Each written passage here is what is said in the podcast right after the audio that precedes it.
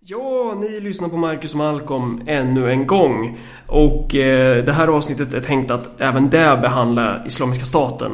Eh, och den här gången ska vi gå in på vad som döljer sig bakom masken på Islamiska staten. Vad är Islamiska staten egentligen? Och eh, det, det är väl någonting som man sällan talar om egentligen i, i, i den generella politiska debatten. Eh, vilket vi har sagt i tidigare avsnitt att så här, när man pratar om IS så brukar det vara mer i termer av att ja, men det här är en obegriplig ondska och den bara uppstod ur intet. Det är så här, det är Sauron som bara har eh, kommit upp från eh, Mount Doom typ och, och man kan inte riktigt förstå IS som ett politiskt projekt. Ehm, eh, så, så, det är vad avsnittet ska handla om. Och eh, innan vi går in på det ska vi ta det här med swisheriet först. Om man gillar våran podcast och vill ge en gåva så får man gärna swisha valfritt belopp till 0790 1072 23. Eh, vi ska också fixa en Patreon så att man ska möjliggöra för folk att kunna donera där ifall man nu skulle vilja göra det.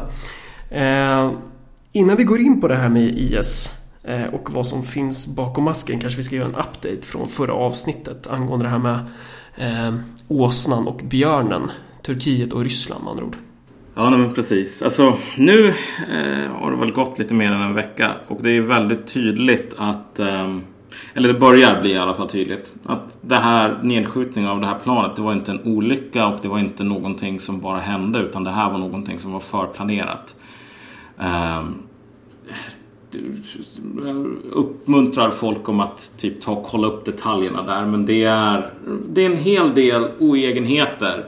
Typ att de här turkiska F16-planen var tvungna att färdas en över 40 minuter för att ta sig till den här gränsen och att de gjorde det ganska långt i förväg och liknande som gör att det här var inte en slump att det här planet sköts ner. Nej, det var det mesta pekar på att det var liksom order från högre, högre ort så att säga. Ja. Och är ju, då är ju frågan varför Erdogan skulle göra något sådant egentligen. Men, men man får ju intrycket av att han det är någonting fel i skallen på honom om man ska vara rätt så liksom krass. Alltså att det här är en ganska irrationell person. Men om man, om man ska till försvar av diktatorer här nu då. Att diktatorer som agerar på det här sättet brukar ju ofta vara pressade av vissa materiella förutsättningar. Eh, att så här, eh, det Erdogan vill göra eh, och för er som inte vet vem det är så är det Turkiets premiärminister. Är han väl? Visst är han det? Mm. Premiärminister? Ja. ja. Sultan är det då är han, kan vi säga. Det är väl så han vill titulera sig själv. Eh, han... Eh, det går ju inte så jävla... Eller så här, Det känns som att han verkar ganska desperat. Eh, det verkar som att han vill få med typ NATO i någon konflikt och därmed kunna stärka sin ställning i regionen. Eh, och det, anledningen till det är väl att han vill kunna... Det kanske har något med det här med oljesmuggling att göra också liksom.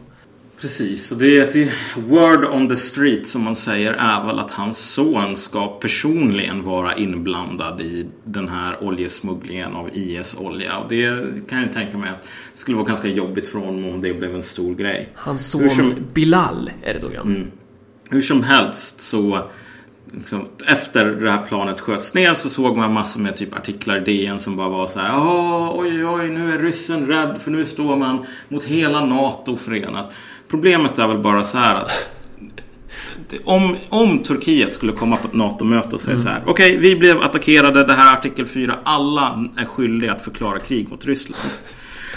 Då skulle NATO falla sönder. Oh. Därför att alltså, det finns ingen i Östeuropa eller ingen i Europa överlag som är beredd att gå ut i krig mot en kärnvapenmakt som man importerar det mesta av sin energi från för att skydda Bilal Erdogan typ. Um, så att i ett sådant läge så skulle nog amerikanerna ta Erdogan åt sidan och bara typ säga åt honom du, du håller käften. Det här är inte, Ryssland anföll inte dig. Det här är inte något för NATO. Om inte du går ut och säger det så kommer vi att slå ihjäl dig. Därför att om man går ut och säger det så kommer NATO falla sönder. Ja, och det är väl ungefär det som håller på att hända nu bakom kulisserna. Ja, precis. Jag skulle vara otroligt förvånad om inte amerikanerna har ringt ett jävligt argt samtal till Ankar och bara sagt att du, nu får ni fan ta och skärpa er.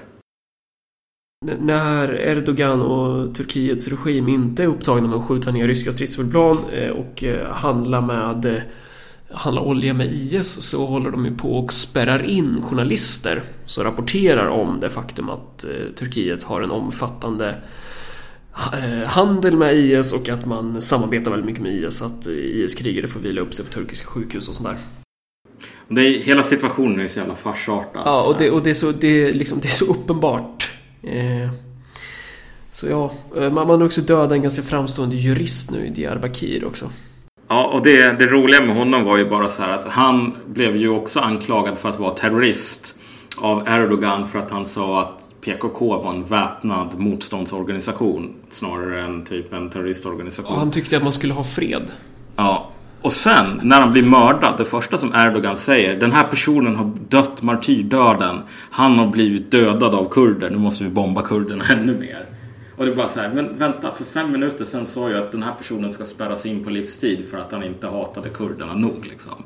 Och nu var det kurderna som dödade honom och vi måste hedra hans minne genom att döda kurder. Någonting går inte riktigt ihop här. Han tycks ju bara ha en sak i skallen egentligen och det är ju att bedriva folkmord på kurder. Ja, jo, nej men precis. Det är en komplicerad situation det där. Ja, det är träligt sånt där. Här kommer en podcast som sprids över världen till Soundcloud, iTunes och förtryckaren stat. Den ropar två namn som håller oss samman. Den pratas om Marcus och Malcolm såklart. Den handlar om kampen som leder till seger för klasskamp och uppror den gör sig till tolk. Den riktar en maning till arbetarklassen och hälsar förtryckta nationer och folk. Men, eh, då går vi in på det här med IS. Ja. Eh, Okej. Okay. Eh, man brukar prata om Islamiska staten som en en obeskrivlig ondska, någonting som man inte... Man kan inte förstå sig på det här fenomenet. Eh, men man talar sällan om IS i termer av... I, i politiska termer, i termer av... Eh, vad ska man säga? Deras...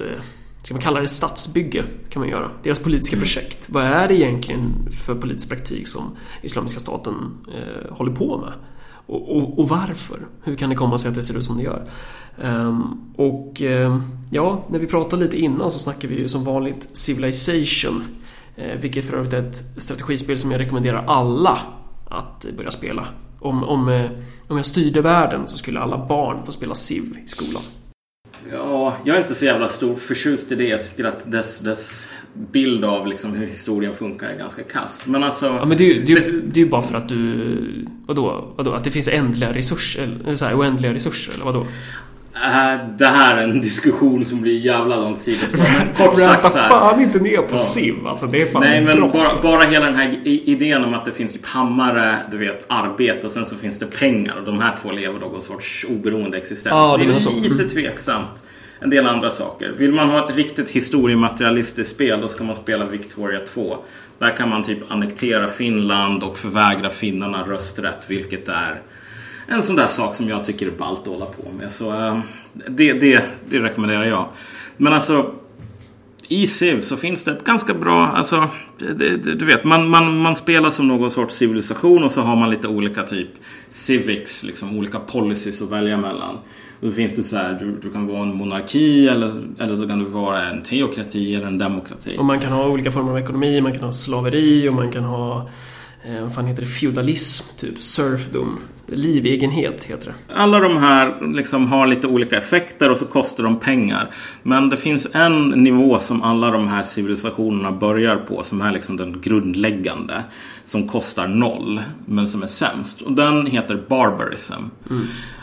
Eh, och om man luskar ut vad det här faktiskt handlar om så är det mer eller mindre det som IS är. Och barbarism är ett dåligt namn på det. Liksom. IS är ett liksom, warband. IS är ett gäng krigare under en eller flera krigsherrar som eh, upprättar våldsmonopol som de gör väldigt, på ett väldigt liksom, personligt in your face sätt. Mm. Den statliga liksom, implementeringen, repressionen Eh, Mm. Våldet som alltid krävs av en stat faktiskt för att upprätthålla en ordning i någon Mm. mån är direkt. Det går inte mellan 12 olika mellanhänder. Nej men precis. Alltså, man kan ju ta det här exemplet om du inte betalar din skatt i Sverige. Då kommer typ eh, Skattemyndigheten och överlämnar det här till domstol som kan överlämna det till polis som överlämnar eller som överlämnar det till Kronofogden som säger betala det här och sen så så- när du säger nej då överlämnar Kronofogden det till handräckning och så kommer en polis och hämtar dina grejer. Det är väldigt mycket papper, väldigt mycket byråkratisk svenska, det är väldigt mycket gråa kontor eh, med, med 40-talister i. Som, som, Förr eller senare så baserade. kommer du dock till den här poängen när du säger så här, vet du vad, jag vill inte vara en del av det här systemet. Jag tänker inte betala skatt. Ni kan inte tvinga mig. Och så säger polisen, jo det kan vi och det tänker vi göra nu. Och du kan antingen sätta dig ner eller så kan du spendera natten i häktet med typ brutna revben för att du snubblar i trappan. Ehm, och då hamnar du på det här våldet. Men det är väldigt abstrakt. Alltså det är ingen kommunfullmäktige som typ går ner till dig med en Kalashnikov för att du inte har betalat kommunskatten. Och det, och det, det är ju verkligen sista del. Alltså innan det har du haft en utmätning och man har Ja. blivit skuld. Så, alltså det är massa olika grejer. Precis. Men i, när, om du inte betalar din skatt i Raqqa, då är det någon person som kommer till dig och bara, jag tror inte du har fattat vinkeln Och här. Al-Raqqa ligger ju då i eh, Syrien, eller nuvarande Ja. Och det är kalifatets liksom, Precis. huvudstad. kalifat ligger i. Ja. Om du inte betalar din skatt där så kommer en person till dig och säger så här, vet du vad, du har två val här. Du kan betala din skatt eller så kan vi döda dig nu. Punkt. Det är ingen handräckning, det är ingen lång domstolsprocess med överklagningar, bla bla bla sådär. Utan det är väldigt så här, typ våld, beskattning och du kan foga dig eller så kan du liksom, hur är det man säger? You either get down or you lay down. Liksom. Eh, och det är skillnaden mellan typ en Jurchen-hövding och en king-kejsare. Liksom. Det är inte att en använder våld och en inte gör det utan bara på vilken nivå som det här våldet hamnar på. Hur många mellanhänder och så vidare. Precis, hur, hur, vad är det institutionella djupet kan man väl säga så här. Och där, och där kommer man ju in på den här civic upkeep. Mm. Alltså hur mycket kostar en viss, eh, en viss stadsbildning att upprätthålla? Mm. Eh, vad är det som krävs för en viss stadsbildning att ha den karaktär som den har? Och det är där som jag tycker att Civilization, även om Civilization är ett spel, om vi hamnar där igen, ett spel som det, det, är inte historiematerialistiskt. Nej, det liksom. simplifierar ju saker och ting. Men vad fan, det är ju, atomer är ju också en modell. För Ja, att beskriva precis. verkligheten. Så civilization, atomer, nästan samma sak kanske. Ja. Eh, och här kan man väl bara säga så här typ att ehm, Att det, krävs ju, det krävs en lägre civic upkeep för Islamiska staten att upprätthålla Ja, nej, sitt men, välde. och, och om man tänker sig liksom, när du betalar skatt till, till IS, vad går den här skatten till? Det går ju inte till Saddams palats eller till så här, sjukförsäkringar och liksom politiska mutor och, och liknande. Utan alltså, så här, IS har soldater, de har krigare, de här krigarna har liksom vissa behov och sen så har, liksom, har de typ, vill de köpa nya vapen och någonting sånt där. Men det, det är rätt så billigt. Rakt in i krigsmaskinen går det. Ja.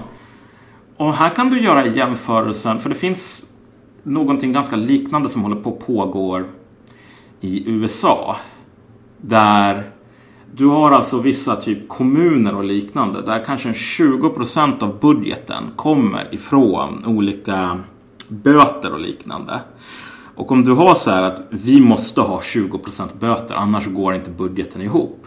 Då kommer du att hitta på anledningar för att ge folk böter. Så folk kan alltså hamna i, i liksom, vara tvungna att betala flera tusentals kronor därför att de sitter i en parkerad bil utan att ha på sig säkerhetsbältet. Du vet, om du sitter i en bil utan motorn påslagen och inte har på dig säkerhetsbältet så kan du hamna en natt i häktet typ. Därför att poängen är ju inte brottet. Poängen är att du behöver ett brott så att du kan ta pengar ifrån folk för att du behöver pengar. Ja, det är en lukrativ om- bransch.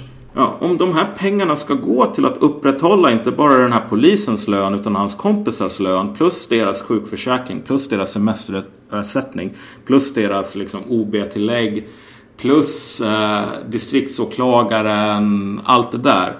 Då kommer man att vara tvungen att ta ut mycket högre böter än om en IS-snubbe behöver mer ammunition till sin Kalashnikov. Liksom. Um, och där har du väl också anledningen till att alltså, vissa i alla fall säger att eh, uh, IS, eh, så länge man inte håller med dem så är de inte så jävla dåliga. Liksom. För att soporna blir i alla fall det är i alla fall någon som kommer och plockar upp soporna utan att be om en muta först.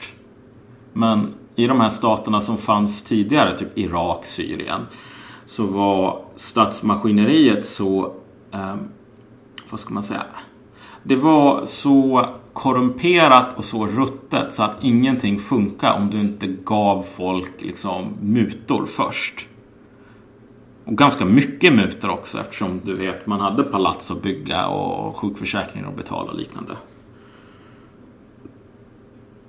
Men det här är det som händer när du har vakuum. Du får, du får eh, sådana här protostater, sådana här eh, primitiva statsbildningar där liksom våldsmonopol plus beskattning står väldigt naket i öppen dager. Att det är det det handlar om. Här kan man vara lite taskig mot Liberalerna och säga här har ni en nattväktarstat.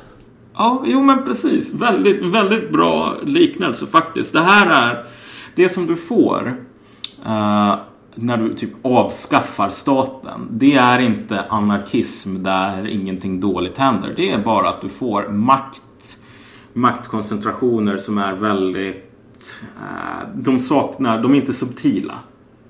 Det är Nattväktarstaten, den nattväktaren är den som har samlat på sig alla vapen och som säger du kommer att betala det här eller så dör du. Nattväktarstat är ju för övrigt definitionen av det som Liberalernas idealstat, eller många liberaler brukar, nyliberaler brukar ju prata om nattväktarstaten. Att, att man, om man kan dela in staten i olika områden till exempel så de kan ha en välfärdsområde, något slags socialt område. Det, det, det kan vara ett, ett område, de, vad finns det mer som en stat kan hålla på med? Eh, skolväsende, det finns media, massa olika sådana här olika funktioner. Eh, men nattväktarstaten är begränsad till att främst eh, vara den, alltså kärnan, den repressiva apparaten, våldsmonopolet. Alltså det, det, den yttersta garanten för att upprätthålla det rådande så att säga. Mm. Ja, för det behövs ingenting annat, det är bara staten fuckar upp Allt annat kan vara privat, så man kan tjäna pengar på det. Ja. Eller så, så vissa kan tjäna pengar på det snarare.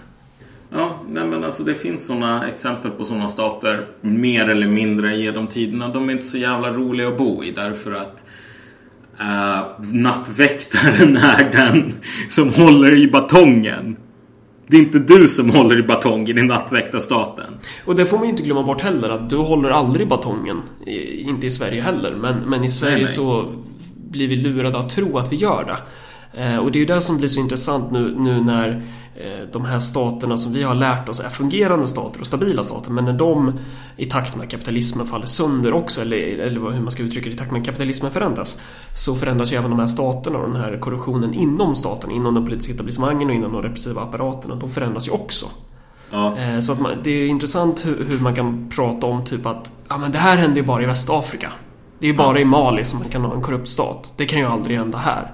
Men staten är en följd av de materiella förutsättningarna.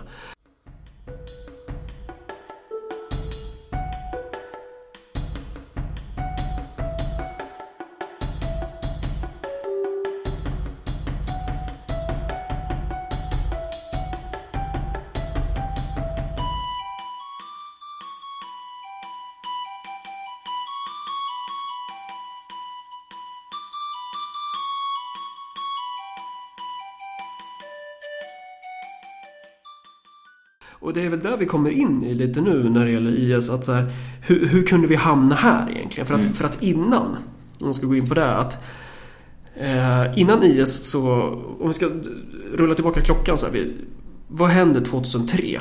Eh, jo, USA invaderar Irak för andra gången. Eh, för att de ska, hur var det nu? De hade hittat eh, Weapons of Mass Destruction, eller vad fan det var. Så de, ja, de skulle rädda världen från Saddam Hussein och Saddam Hussein gillade inte frihet och demokrati. Eh, och det gör ju USA överallt där de är och bombar. Eh, så... Har du sett, vad är, vad är den här repliken i Apocalypse Now när, när de säger så här Vi är här i Vietnam därför att i varje jävla guling så finns det en amerikan som bara kämpar för att komma ut liksom. Det var lite samma sak så här. I varje, i varje haji så finns det en riktig frihetsälskande, baconälskande amerikan och vi måste bomba dem tills, tills amerikanen kommer ut ur sitt skal. Tills den knäcks. Ja. Eh, och eh, ja, så nu Irak, hur som helst, Irak har varit i krig i 12 jävla år. Alltså det här... Eh, jag vet inte, man, man pratar väl inte lika mycket om Irakkriget idag som man gjorde när det väl startade men faktum är ju att det har ju varit ett krig i 12 år. Alltså Irakkriget är ju inte över, det vi ser nu det är ju bara full, alltså nästa Det är, del av det är ju ett inbördeskrig Ja. som, och de är inte så jävla roliga att leva i. Nej. Alltså så här, andra världskriget det var ett ganska destruktivt krig om man säger så. Det är ganska så här, kännbart. Det höll på i fem år. Irakkriget höll på i 12 år. Sen är det såklart det är olika omfattning på det men det är ändå så här. Det är väl mer än någon miljon civila människor som har dött i Irak. Eh, och det kanske säger någonting. Om man tittar då på hur Irak, hur Irak såg ut innan, väldigt brutalt kortfattat. Så Irak styrdes ju som många andra arabstater av- eh, ett Baath-parti. Någon slags panarabiskt... Eh, de menar att de var, de var en slags avart av socialistiskt parti också va? Sekulär nationalism mer eller mindre. Ja, så. Och eh, det- kallas det inte ibland för någon slags socialism? Pan-arabisk socialism? Ja, men det är väl socialism på samma sätt som ungefär eh, Kemal Atatürk liksom, var socialistisk. Vilket är inte så himla mycket, men någon sorts eh, du vet, modernisering, nationell sekularisering. Det beror kanske på vem man frågar. Frågar man liksom nattväktarmupparna på Timbro så tycker ju de att jo men det, här, det där är ju socialism för att de har Ja, ju jo här, de har ju sopbilar som inte är privatägda. Så, mycket, bättre i kalifatet. De vill typ använda intäkterna från sina oljekällor till att investera i det egna landet istället för att skicka dem till Royal Dutch Shell. Precis, men, men okej, under Saddam så har du, ja men det, det är en stenhård diktatur. Eh, men, men du har ändå vissa samhällsfunktioner och framförallt så har du en stat som är kapabel att göra en av sina mest grundläggande funktioner. Och det är att balansera de olika intressemotsättningarna i samhället. Det är en stat som upprätthåller ett våldsmonopol. Ja, verkligen. Eh, och Irak är ju en, en, alltså det är ju linjalsträck i blodig sand som kolonialstater ofta är. Eh, att att eh, du har många olika folkgrupper. Eh, du har södra Kurdistan, ligger under Irak. Du har Typ västra halvan är ju så här väldigt sunnimuslimsk majoritet. Sydöstra är ju mer shia-muslimsk. Och så har du ju, så här, du har ju Nineveslätten, du har ju massa kristna folkgrupper, syrianer, assyrier och så vidare. Så det är ju, det är ju en blandning. Och eh, idag så är ju de här etniska konflikterna väldigt tydliga om man tittar på eh, de olika politiska aktörerna som nu krigar i Irak och som nu existerar i Irak. Att det är väldigt så här eh, uttalade shia-miliser eller, eller så här sunnistammar som har eh, som är lojala till, till Daesh, eh, Islamiska staten och så har du ju kurder också. Men under Saddams var det väl inte riktigt så i den utsträckningen? Nej, nej men precis. Alltså... När du har en stat som har ett våldsmonopol så brukar den här staten inte tycka om om... Om om jag skulle få för mig, om alla i Uppsala skulle få för sig att typ, vi ska förklara krig mot Dalarna. Eh, det skulle inte gå därför att någon skulle komma och ta Uppsalaborna i axeln och säga så här, vet du vad, ni ska inte hålla på att döda folk i Dalarna för de är också skattebetalare och om ni försöker så kommer vi att döda er. Sätt er ner igen. Ehm, de här eh, sådana här saker som typ landskap, klaner, liknande. De kan vara relevanta när det finns möjlighet för dem att vara det. Men om du har liksom, en järnhand på din axel. Det går inte att ha klankrig till exempel. Vilket är anledningen till att du kunde alltså ha shia-muslimer som gifter sig med sunni-muslimer utan att någon av dem fattar Oj, typ, vi, vi är ju inte samma sort. Så här. Och det är först när det här våldsmonopolet faller sönder som klanen, den religiösa tillhörigheten, vad det nu kan vara. Det är först då som det blir en, en, en väldigt viktig markör. Därför att det här är det enda liksom, sammanhanget som fortfarande finns. Um, och det här blir liksom den lägsta nivån som du kan ha någon sorts gemenskap på. Som du kan ha ett kollektiv på. Som du kan utöva våld på också. Så därför så det som händer efter att Saddam faller det är ju att det blir etniska liksom, utrensningar i Bagdad. Saddam tillhörde ju, han kom från Tikrit. kom ju från en av sunni, sunnisidan om man säger så. Eh, och eh, det USA har gjort nu i efterhand är att man har ju aktivt arbetat med att se till så att shia-muslimer är de som har den övervägande makten i Irak. Och det ångrar man nu därför att man kom på att det bommas med shia-muslimer i Iran. Mm. Iran är ju den värsta fienden någonsin av någon anledning. Så det är ju... Eh, men så här, imperialistiska intressen har ju använt sig av att spela på de här olika etniska konfliktlinjerna. Mm, definitivt. Eh, och, det, och det tjänar ju en angripare väldigt väl att sundra en nation. Eller, eller, eller det behöver inte vara en nation, att sundra sin fiende helt enkelt. Det sorgliga här inom citationstecken är väl bara att människor inte är som, jag vet inte vad, tamagotchis eller någonting som du kan slå på eller slå av när du vill. Så, de existerar inte för, för din njutning. Så startar man sådana här etniska konflikter för att just idag så skulle det vara användbart för mig. De människorna som håller på att döda varandra gör ju det för sin egna skäl och de kommer inte eh, sluta bara för att du säger men vet du vad, nu tjänar inte jag på det här längre så. Eh, men, men som sagt, IS kan fungera i ett sånt här vakuum därför att IS kan använda sig av den här sortens motsättningar. De kan använda sig av bristen på ett våldsmonopol för att upprätthålla sitt egna våldsmonopol skapa ett, bygga ett. Och, och, och det man ska säga här nu är också att när USA går in och puttar bort eh, vissa sunniklaner av samhället och aktivt stödjer Shia så skapas ju incitament. Alltså så här, går du in och stödjer en eh, grupp bland flera då skapas ju incitament bland de andra. Alltså det, det blir ju en konflikt. Eh, så att eh, om man ska titta på vilka är egentligen så här officerarna i IS? Många av officerarna i Islamiska staten är ju det här kommer kanske låta skumt, men de, de, är ju relativt sekulära. Det här är ju ja. gamla officerare från Saddam Husseins armé. Från ja, Baathpartiet. Som helt enkelt fick sparken när amerikanerna kom invadera deras land. Och nu så har de hittat en... Eh, alltså de har ju hamnat där det är ganska naturligt att hamna då. Ja men precis. Om du inte kan få jobb som general i en riktig armé så får du väl bygga en egen om det är det enda sättet som du kan liksom klara hanka dig fram på. Men alltså visst, de här är ju sunnimuslimer ungefär som katolska ateister på Irland är katoliker. Alltså de här kategorierna är har inte med religion att göra. Det har med liksom praktisk etnisk tillhörighet och social liksom, makt att göra. Så. Men om det är någon som tänker, men varför Malcolm Marcus har ni inte hållit på och talat om dödskulten och islam, medeltida ideologier och så vidare ännu? Vi kommer att göra det lite framöver, men alltså svaret är ju att det egentligen inte är så himla viktigt.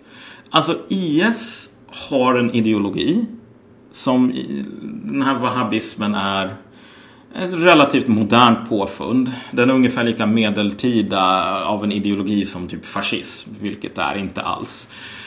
Um, och du kan dra paralleller mellan det, den ekologiska, politiska, liksom, maktmässiga nisch som IS har och en amerikansk småstadspolis och typ rövar, vad heter de, Raubritters, eh, rovriddare ja, rovriddare på 1200-talet ungefär. Alltså alla de tre håller på med mer eller mindre samma sak. Vilket är att de skor sig i ett maktvakuum genom eh, att använda våldet på dess minst abstrakta, mest ge mig pengar eller dö nivå.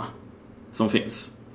Eh, och egentligen alltså, IS är inte det största tecknet på våran tid. IS är en organisation som bor i ett vakuum som har skapats av amerikanska bomber.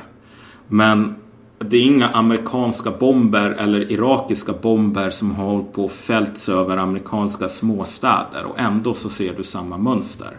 Någonting händer.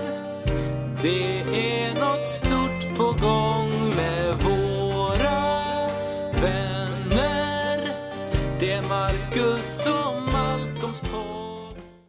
Det är värt att poängtera att sättet som IS hämtar in pengar från folk är så i grunden samma sätt som viss amerikansk småstadspolis hämtar in pengar.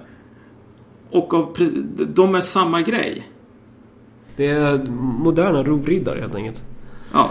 Och ro, rovriddarna ska man säga, det var när tysk-romerska riket föll sönder och, och det bildades, alltså Ja, det föll väl inte sönder helt men det var så här, du hade en ganska lång period utan någon kejsare. Centralmakten var totalt borta. Och då det de här eller, vad säger man, feodalherrarna, det riddarna gör att de åker runt och plundrar helt enkelt.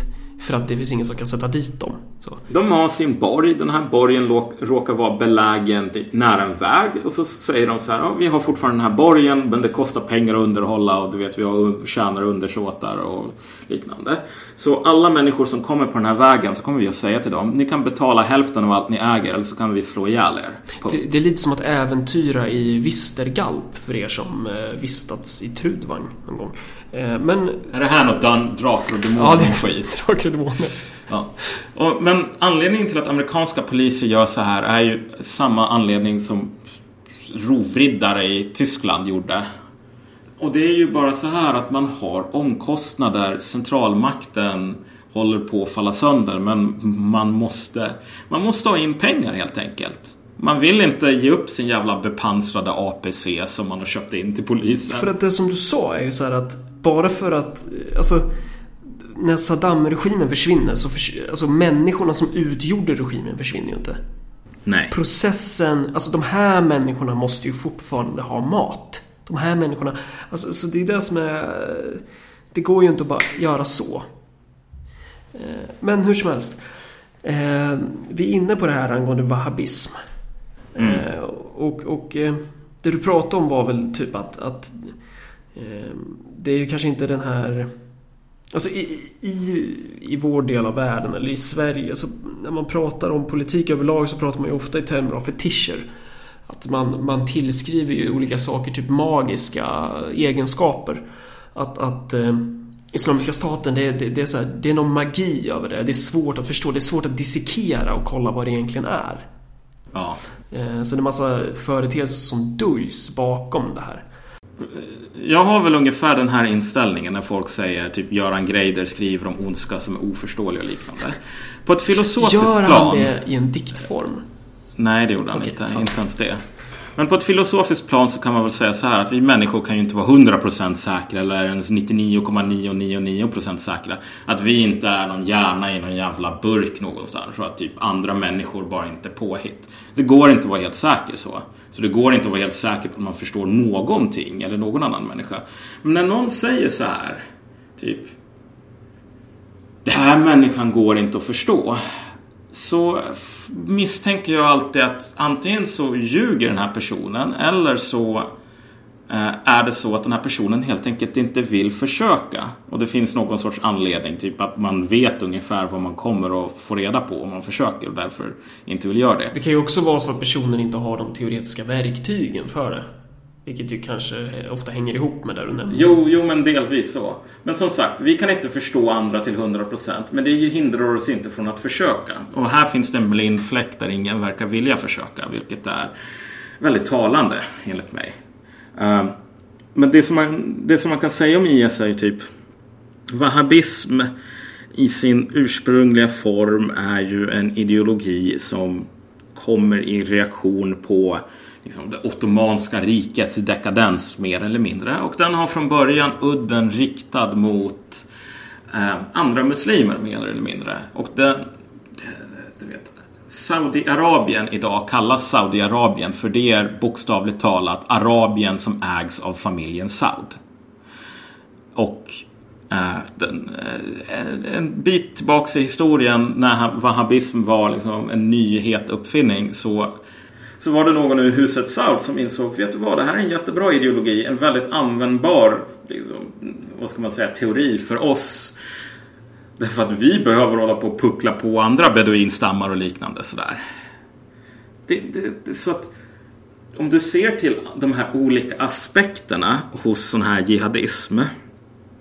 Så det här är en legobyggnad där, som använder precis samma klossar som många andra icke-jihadistiska eh, ideologiska liksom, ideologier. Sådär. Alltså, typ den här millenarismen till exempel. Att, Vad är det? eh, millenarism är ju den här tron mer eller mindre på att vi lever i den sista generationen mer eller mindre och snart så kommer den här sista striden där eh, det goda står mot det onda och sen så kommer allting att lösa sig mer eller mindre. Och jag menar, det där är äldre än kristendomen själv. Det där är lika gammalt som människan, den, den tron. Så det är ingenting unikt för jihadism. Det är ingenting unikt för dem att tala om typ staden Dabik som där striden mot korsfararna ska ske och sen när den har skett så kommer det massor med jävla förvecklingar och Obama är typ antikristus och sen så tar världen slut och typ Aslan kommer och så blir det Narnia 2.0 där alla har det jävligt roligt. Du hittar samma sak om du lyssnar på Internationalen. Hela den här sista striden är här och så vidare. Eller hur, hur, hur är det nu versen går? Därför att det här, i alla fall vissa tolkningar. Ja, vi- vissa tolkar det ju verkligen så. Att, Ja. att det är så här, ja men...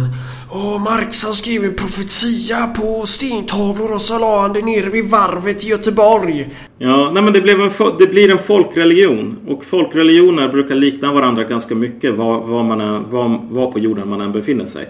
Så då har du det här, snart så kommer räddningen, snart så kommer den här apokalyptiska striden mer eller mindre. Och sen en annan sak som slog mig var bara så här, IS inställning mot kvinnor är ju hur eh, förståelig, pragmatisk som helst om du har en organisation som bygger på typ så här 20-åriga män med vapen. Eh, det som fascinerade mig var att jag läste en bok som handlade om så här attityder mot kvinnor som typ preussiska soldater hade 1920-talet i alla de här Freikorps. Också lite likt det som vi talar om. Du vet de här privata arméerna mer eller mindre efter Tyskland förlorar kriget. De typ de, de, de har precis samma inställning gentemot kvinnor ungefär som IS har. Eh, och någon av dem säger så här, vet du vad, den enda kärleken som, som går att ha det är mellan två riktiga män, två soldater. Och det är inte homosexuellt. Homosexualitet är bara ett påhitt. No homo. Ja, no, nej men verkligen såhär, no homo. Därför att typ vi är män och typ kvinnor är dumma i huvudet. Och det är bara män som verkligen liksom förstår vad det är att leva. Du vet, ha kulorna som susar runt huvudet och allt sånt där. Ehm, så att inte ens det kan man säga så här, ja men IS de tycker inte om kvinnor. Ja, nej, det, det är så här. finns inte så jävla många 20-åriga liksom revanschhungriga wannabe eh, krigsherrar som tycker om kvinnor. Um, så att återigen, det här är en ganska... Ja, ja men det, det, man kan ta ett exempel på det. Eh, att, att eh, angående det här med skatt. Sättet som IS bedriver sin beskattning på. Som sagt, den är väldigt direkt. Eh, och, och sen ska man ju också prata om så här att hur man tolkar Koranen. Att, att så här, eh, inom kristendomen så kan man väl välja ut vissa delar av Bibeln typ. Och säga ja men det här är rätt. Men eh, det går det att göra i samma utsträckning som som, eller ja, det är klart det går men, men sen, IS menar ju att de har ju den rätta tolkningen av Koranen. Ja, men alla, alla som har läst, jag vet inte, läste du så här någon introduktionskurs till juridik typ? Nej, jag har bara läst förvaltningsrätt typ, så jag har bara Okej. läst en halv termin juridik. Men alla som typ har läst juridik kan, har någon sorts koll på ungefär hur ehm, skillnaden mellan så här, kristendom och islam. Därför att om jag är en domare i en svensk domstol så kan inte jag säga så här, vet du vad, så här är lagen, men jag tycker inte om lagen just nu, så jag tänker bara säga att mord är okej eller något sådant. Du får inte som en domare säga så här, lagen, den är ganska värdelös ibland, så ibland så skiter vi i den. Det är bara ett påhitt. Du måste alltid respektera lagen så, men tricket ligger i det som kallas prejudikat. Alltså väldigt förenklat. Kor- Koranen är skriven av Gud och det är det perfekta prejudikatet. Det är den perfekta domen från liksom, den kosmiska högsta domstolen. Och högsta domstolen har alltid rätt. Det är bara det att vanliga dödliga, vanliga liksom, tingsrättsdomar och liknande, de måste applicera det här. Och det är precis samma sak. Alltså, när Högsta domstolen dömer om ett försäkringsmål och sen så sitter du i en domstol och så ska du tolka någonting som är ungefär liknande. Men inte hundra. Då måste du förstå vad det är som Högsta domstolen ville ha sagt i alla fall. Inte bara i det här fallet utan uttolka någon mer generell princip. Ehm, och när, så folk har ju den här diskussionen stup i kvarten om liksom, vad är det riktiga islam? Eh, IS är inte det riktiga islam, bla bla bla. Eller IS är det riktiga islam. Ja, för den diskussionen går ju utifrån hur man har tolkat Koranen. Ja men precis, men det är alltså riktig islam är det som praktiseras. Men, men när man säger det här är IS håller på med riktig islam för att de bokstavstolkar Koranen. Det är inte mer, alltså, det är inte mer rätt att bokstavstolka än att göra någonting annat. Därför att så här, månggifte till exempel. Det står, det, det, det står så här, månggifte är tillåtet om du behandlar alla fruar lika väl. IS i det här fallet kommer att säga, vet du vad, månggifte är tillåtet, punkt slut. Du får bara försöka behandla alla fruar lika väl. Det går att formulera ett argument för att förbjuda månggifte utan att för den skullen säga att typ, ja men Koranen är ganska bullshit. Ja, det vill säga liksom. vi, behöver- vi är emot månggifte eftersom eh, det kommer leda till att man inte kommer behandla fruarna lika väl. Precis, Där alltså- har du ett Koran-legit argument Ja. emot det. Ja. Det enda som du behöver säga för att använda Koranen som ett bevis på liksom, att må- eller liksom använda det här som ett bevis på att det är förbjudet att ha månggifte. Det är bara att säga så här att det är liksom bara profeten mer eller mindre är en sån häftig människa så att han klarar av att vara gift med flera kvinnor och behandla dem lika. Så att om du är en reko person så bör du ha den sortens ödmjukhet som det ligger i att erkänna att du är fan inte alls lika häftig som profeten. Precis, och då ska alltså den här, alltså sharia, alltså Koranen ska ligga till grund för eh, hur man utformar sin, sin eh, juridik i kalifatet. Eller vad det nu är. Och då, om man går in på det här med skatt då till exempel. Eh, det finns väldigt lite reglering i Koranen om hur du ska beskatta din produktion eh, anno 2015. Ja, alltså det är ganska problematiskt att beskatta muslimer överhuvudtaget. Det är en sån där grej som inte man egentligen kanske inte bör göra. Och då blir det Och- lite träligt kanske.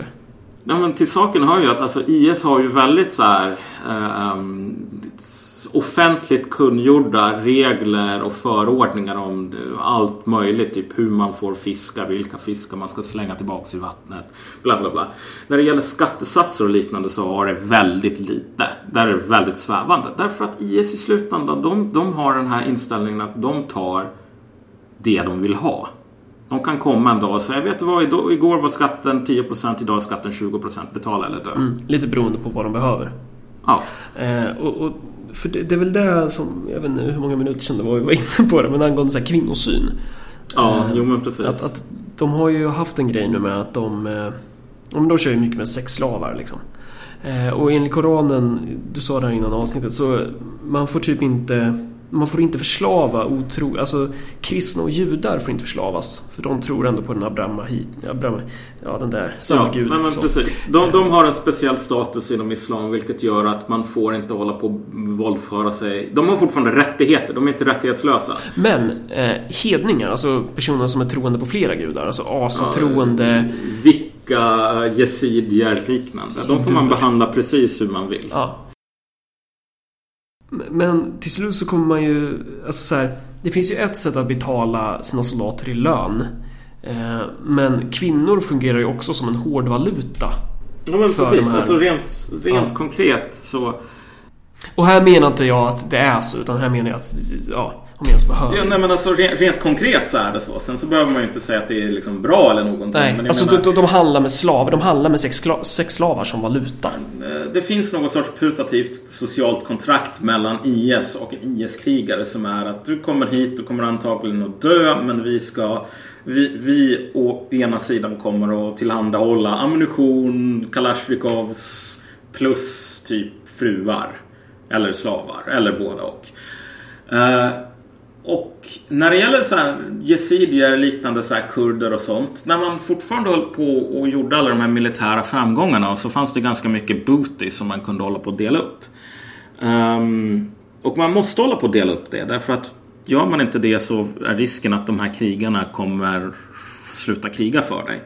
Men här har vi en sak som eh, det, gjordes nog ganska vidlyftigt reportage, massor med intervjuer om liksom hur det var att leva i Islamiska staten.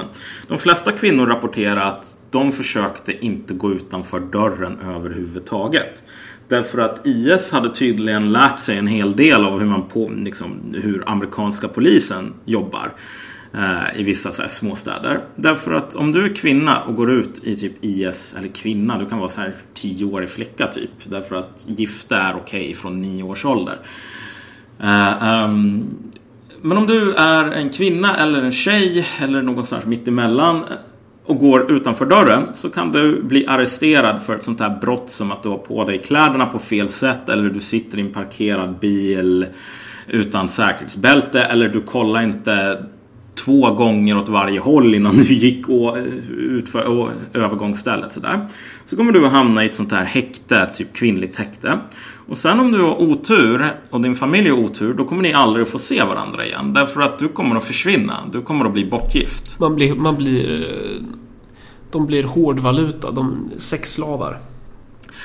Ja, alltså i praktiken så blir de ju det. Nu är det ju bara så här att jag inte i huvudet vad typ straffet för typ kidnappning, förslavning av muslimska kvinnor är enligt IS. Jag skulle gissa på att det är typ livstids dödsstraff plus en, en, en Brinna i helvetet. Inf- ja, brinna i helvetet för evigt. Därför att det är ganska mycket av en synd eh, för någon allvarligt religiös troende att förgripa sig på trosbröder och systrar. Så det är ju en sån där sak som man inte gör typ. Fast nu gör de det. Nej, det gör de inte. De här människorna blir inte alls kidnappade och förslavade. Nej, de får bara avtjäna sitt straff. De blir arresterade för väldigt allvarliga straff som att inte se sig om två gånger när de, typ, innan de går ut för övergångsstället. Och sen så blir de frivilligt bortgifta utan att de känner något behov av att någonsin tala med sin familj igen. Helt annorlunda. Och det här är ju det här sättet som, alltså nu kan ju folk tycka oj oj oj vad elak jag är. Men det är det här sättet som man måste resonera om man har en eh, warband att driva. Man, ideologin gör kullerbyttor för att legitimera det materiella. Nej men precis. Och det är det som gör att det är ganska löjligt att hålla på och fokusera. Typ, men vad säger ideologin om det här? Typ, vad säger Koranen om det här? Ehm, därför att det finns inte så stora ideologiska likheter mellan en liksom smågreve 1200-talets Böhmen och en amerikansk sheriff i någon stad med kronisk budgetunderskott och en IS-krigare. Men i hur de här människorna beter sig så finns det vissa liksom strukturella likheter. Um, och sen så beroende på vad för sorts ideologi de har så kommer ideologin att få göra lite olika kullerbyttor för att förklara varför man måste göra det man anser att man måste göra. Men um, som sagt, de som håller på att fokusera på IS, IS som dödskult, IS som bla bla bla, ditten och datten, det här är onda människor och så vidare. Ja, alltså det kanske de är. Å andra sidan så de är ju ett väldigt förståeligt resultat av den utveckling vi har haft i, i, i Mellanöstern och det, det är ju så här går det. Om man ska Nej, hålla alltså- på och slå sönder eh, stater liksom. Nej men precis, alltså när du har ett sånt här liksom maktvakuum när det, det antagligen, antingen inte finns någon stat överhuvudtaget eller den här har blivit sönderbombad. Eller så har den liksom ruttnat sönder själv. Typ Ukraina är ett ganska bra exempel på det. Ehm, för jag menar, där har du, där i Ukraina, så de, de enda som på allvar slåss mot de här separatisterna i öst Det är så här Azov-bataljonen och liknande. Ja, det är nazister på riktigt. Det är inte de som sitter i regeringen, men det är de enda som har någon sorts stridsmoral. Eh, Därför att armén är människor som blir liksom rekryterade som du vet, de får inget vapen för att pengarna till att köpa vapen eller ammunition har någon oligark stoppat i egen ficka och så vidare. Det är bara ut och slåss mot eh, rebeller som har typ är beredda att dö för sin sak plus ryska konsulter. Och så här eh, liksom, Så po- poängen är att när en stad faller sönder, eller så här, när en frukt förmultnar, Mm. det uppstår en viss slags eh, ohyra, en viss slags eh, ja, men typ maskar och skit eller någonting. Eller när, när, när en fågel förmultnar, det, det, det kommer likmaskar. Så. De här grupperna som Azov-bataljonen och liknande kommer ifrån nu håller ju på och liksom har eldstrider mot poliser för kontroll av smuggelrutter för cigaretter och liknande. Därför att de... Det börjar också finnas ett vakuum i Ukraina. När Ukraina håller på att falla sönder. Och det enda som de styrande är intresserade av det är att hålla på att lota. Det är att hålla på att göra så att det faller sönder ännu snabbare. Och tjäna pengar på det. Vill inte spara en spänn på banken. Räntan vill att jag tänker tanken. På bänken sitter någon så jag slänger slanten. Misären har sett den på nära håll. Hjälpen är där men man är för stolt Allt som man ägde av värde är sålt. Finns lägen i livet som kräver våld Det är de fria valen för individen Som är hjälplös, hemlös i vintertider Sen finns det de som älskar att ärva Tycker man får skylla sig själv när det kärvar. Vad är oddsen för barn till en VD? jämfört med någon som saknar ett CV Men har ett par sidor i belastningsregistret. På tal om det, fria alla aktivister. Det här är mellan mig och vår statsminister För min mamma är en av dem du satt i klistret. Fredrik, är det svårt att vara hederlig? Som du håller på är det svårt att vara fredlig. Känner du ens någon som gått på bidrag? Varken har någon hopp eller driv kvar du vet en av dem ni har svårt att lita på. Du vet en av dem ni anklagar för fusk. Du vet en av dem frågar kronofogden Han har reda på dem. Om du har ett samvete har du sömnproblem. Filippa måste ligga sömnlös hon med. Yes, jag känner mig som Dixie Chicks. Jag skäms för att vår statsminister är från Stockholm. Kärlek övervinner allt med fel, dricker hjärtlös, han har inget alls, vad fan gör man då? Ja vad gör man då? Vad fan gör man då? Kärlek övervinner allt men Kalle är hjärtlös, han har inget alls, vad fan gör man då? Ja vad gör man då?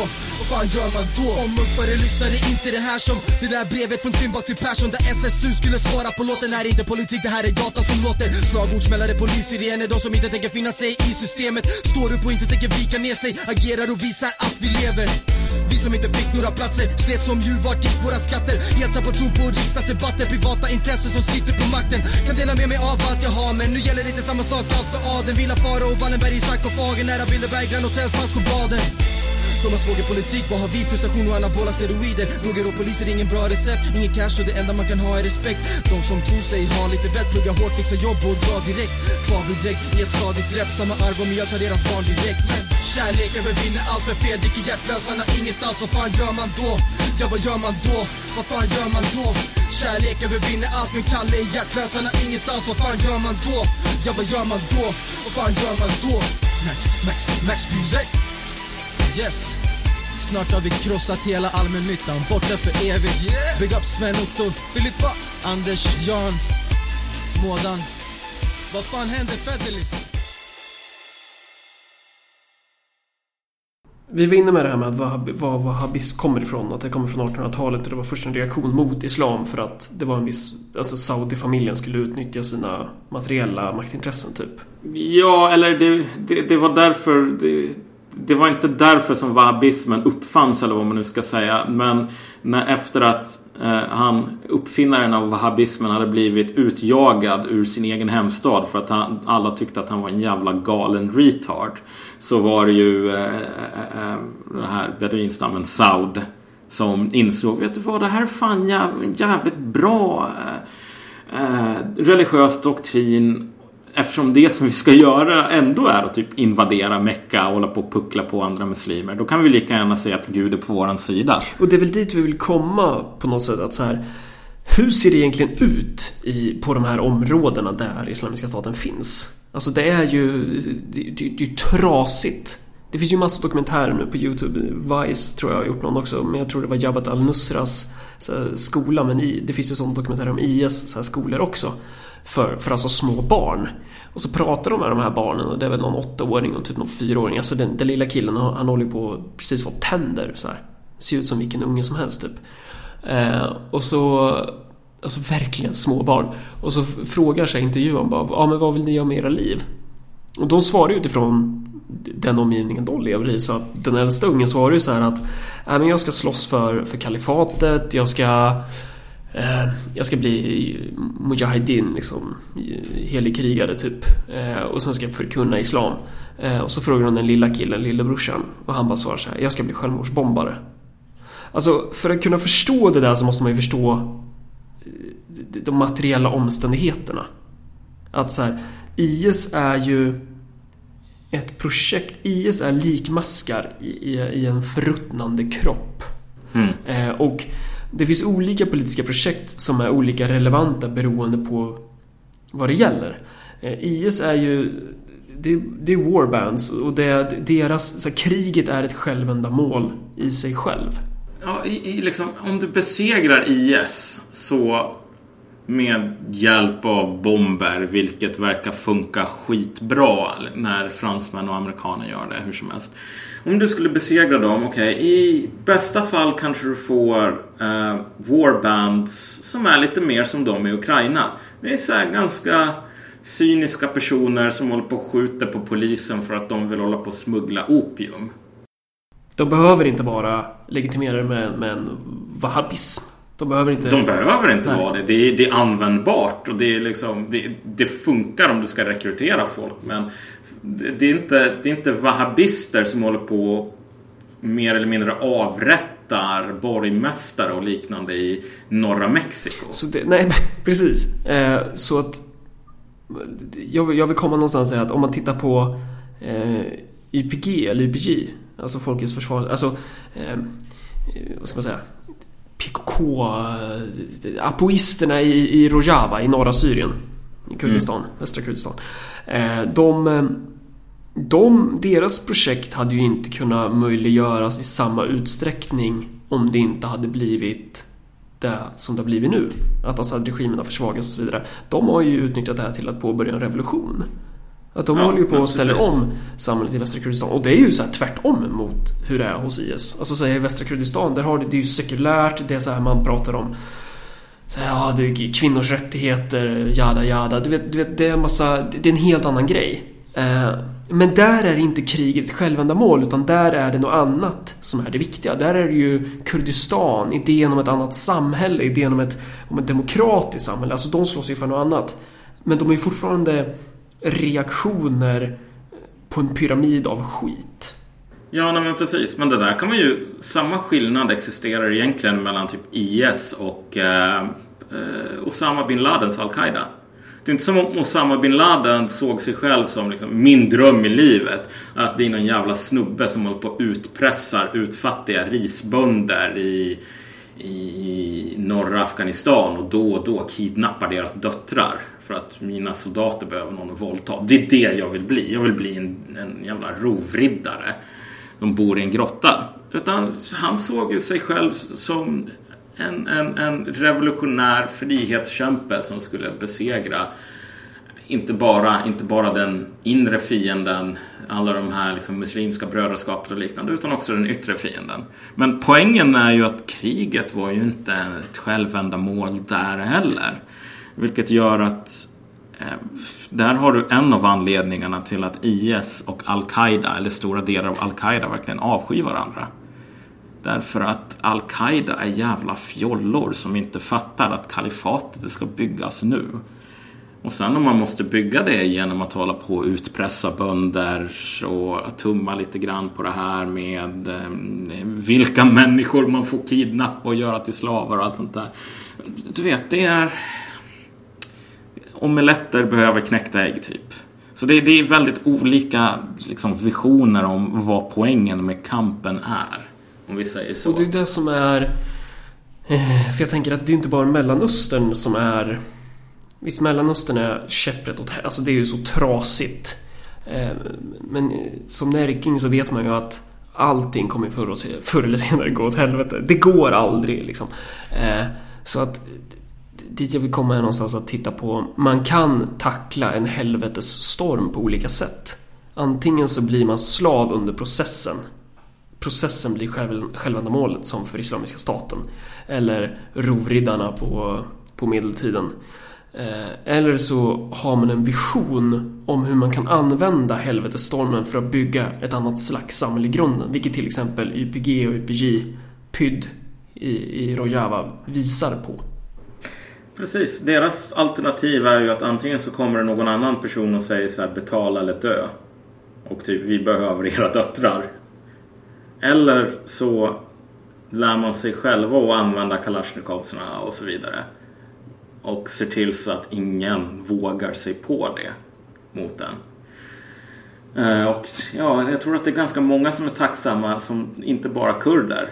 Men väldigt många som är tacksamma för att kurderna valde det första alternativet. Eller vad säger jag, det första? Var, jag menar valde att inte säga, liksom acceptera typ den logiken. Utan snarare att vara beredda att slåss. Så. Ehm, och i nästa avsnitt så kommer vi väl, nu, nu har vi bara hintat lite grann om det här med, nu vet, IS, Amerika, det är precis samma sak. Och det är kanske någon som bara säger nej, så är det inte alls. USA är jätteballt. Där kan man äta pizza. Med fläsk på. Precis. Vi kommer att tala mer om det där för det, det är väldigt fascinerande hur vi, vi har alla den här bilden av, nu håller du på och blåser i micken. Ja. Ja. Vilken mick? Den här micken. Så. Ja, men vi har alla den här bilden av IS som... Du vet, sådana här saker det kan hända i andra delar av världen men aldrig till oss, aldrig i första delen av världen. Och det har man verkligen i USA. Det är bara det att väldigt mycket saker som bara kunde hända i tredje världen håller på och händer i USA idag. Och det är värt att diskutera vad det faktiskt betyder. Mm. Och det är ju också en grej att när en liten fågel ruttnar eller en liten igelkott eller vad det nu än är så blir det ett visst antal likmaskar. Det blir en viss stank. Om du har en jävla elefant eller en jävla eh, val så blir det lite annorlunda. Ja, precis. Och speciellt om man råkar bo i Sverige och är ganska beroende på att den här valen håller på. Jag vet inte vad valar liksom gör för gott i naturens kretslopp eller whatever. Men alltså om du är beroende av den här andra som det inte går så himla bra för. Då påverkar det dig också på ett väldigt direkt sätt. Fan vad... Åh, det är kanske ingen som fattar våra jävla metaforer. Man borde ju bara sluta med det här och bara vara lite mer tydlig istället. Men, men eh, det känns som vi har gått igenom det vi skulle göra. Att vi har försökt klä av Islamiska staten och eh, om man tycker att det här bidrog till någon eh, vidare kunskap och nyanserade diskussioner om det här Mordor nere i Mellanöstern så får man ju jättegärna dela vårt avsnitt. Eh, man får jättegärna gå in på våra Facebook-sidor, Marcus och Malcolms podcast eller Marcus och Malcolms snacket efteråt, som för övrigt är sjukt inaktiv. Ni som håller på att administrera den sidan får gärna se till att göra något av den också. Eh, så kan man gå in och typ diskutera där eller skriva i Flashback-tråden om oss. Eh, om den fortfarande finns. Vi försökte inte säga allt som går att säga om IS men bara betona det viktiga att avmystifiera vad det här handlar om. Så länge som du har det här perspektivet på allting som händer runt dig. Att det här har aldrig hänt förut. Det här går inte att förstå. Det här är oförståeligt. Wow vad stort det är. Då kommer du inte att kunna förstå någonting. Därför att du har ju liksom... Det är ju de premisserna du utgår ifrån. Men om du försöker tänka, har det här hänt förut? Finns det några liknelser som man kan dra och så vidare? Då blir de här sakerna mycket enklare att hantera mentalt. Eh, Så dela vårt avsnitt i sociala medier, sprid det som fan och eh, vill ni en gåva så kan ni swisha till 07 90 10 72 23. Det var det. Ja, då syns vi, hörs vi nästa vecka allt det där. Ha det bra tills dess.